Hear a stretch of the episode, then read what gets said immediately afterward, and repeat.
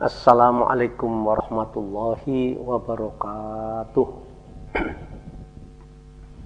Saudara-saudara para muslimin rahimakumullah, marilah kita bersama-sama pada kesempatan ini untuk membahas tentang wahyu Allah sebagai satu kesatuan. Dalam arti bahwa Allah berbicara kepada manusia itu dengan jalan wahyu sebagaimana diungkapkan di dalam surat Asyura surat yang ke-42 ayat yang ke-51 gitu. Jadi dari situlah kita mengerti bagaimana hubungan Allah bicara kepada manusia gitu.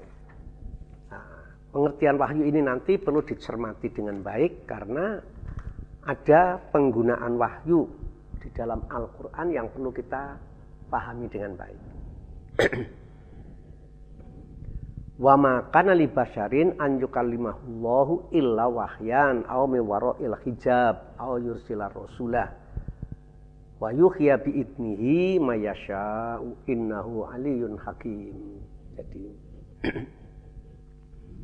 dan tidak seorang pun ya, manusia akan dapat bicara dengan Allah melainkan dengan jalan wahyu atau dari belakang tabir. Atau dengan mengutus malaikat.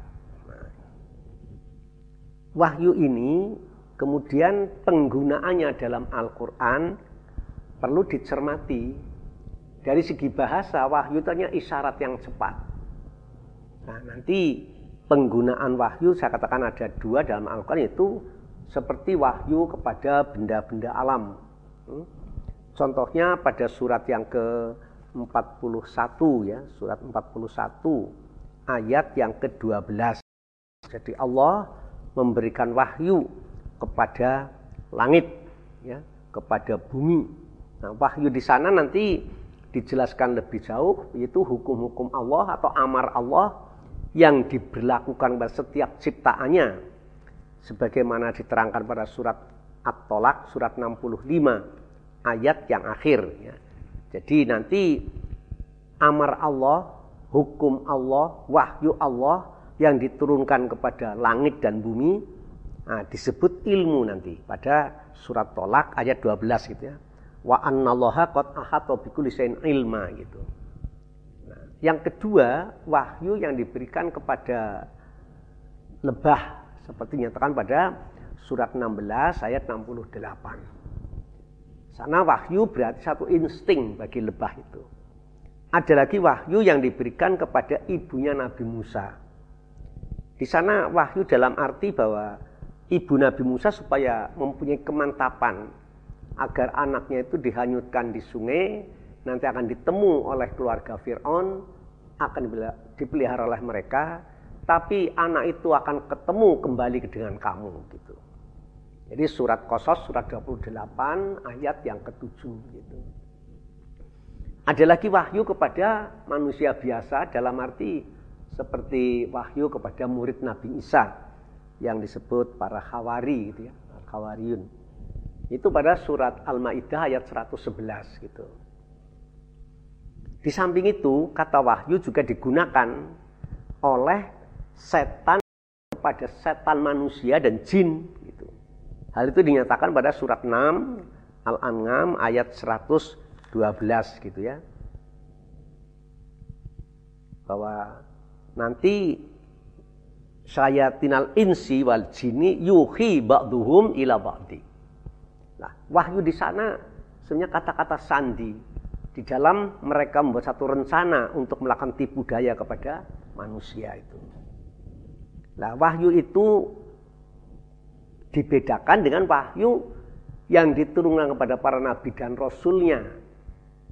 Nah, itu nanti disebut wahyu matlu, artinya wahyu yang ditilawahkan.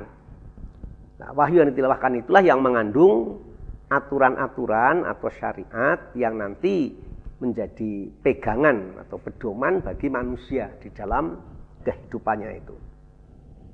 Pada surat Al-Imran 160 persiapkan Lakot manallahu alal mu'minina id ba'asa fihim rasulan Ming angfusihim yatlu alaihim ayatihi wa yuzakkihim wa yu'allimuhumul kitaba wal hikmata wa in kanu fi qablu la fi dhalalin mubin.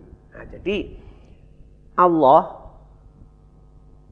bertindak baik ya atau kebaikan bagi manusia orang-orang yang beriman ketika Allah ngutus Rasul untuk mentilawah ayat-ayatnya sehingga bagaimana manusia mentazkiyah mensukan kehidupannya bagaimana diajarkan kepada mereka Alkitab. Nah Alkitab ini artinya wahyu yang diturunkan kepada wahyu diturunkan Allah kepada para nabi dan rasulnya lalu mengajarkan hikmah. Nah gitu. Jadi ada hal yang perlu kita ketahui. Maka nanti ada fiil kata kerja yang perlu kita cermati yaitu kata koroa dengan kata tala. Kalau koroa masdarnya kiroa, hitannya melesankan. Jadi melesankan. Tapi nanti kata koroa bisa berarti menghimpun. Ya. Maka diartikan membaca juga itu. Maka wahyu Allah disebut Al-Quran dari kata koroa artinya himpunan dari wahyu Allah yang yang terpelihara kesucian dan kehormatannya sebagaimana diungkapkan pada surat yang ke-98 ya. Al-Qur'an disebut fiha kutubung qayyimah. Nah, di dalamnya terdapat kitab-kitab yang terpelihara kesucian dan kebenarannya ya. Fiha kutubung qayyimah. Jadi ada apa itu namanya? kandungan ayat-ayat yang diumpamakan Nabi Rasul yang masih diberlakukan terhimpun sekarang dalam Al-Quran. Lah hal itu nanti yang akan jadi lebih jelas pada waktu kita bahas masalah kesinambungan wahyu Allah nanti. Insya Allah akan jelas.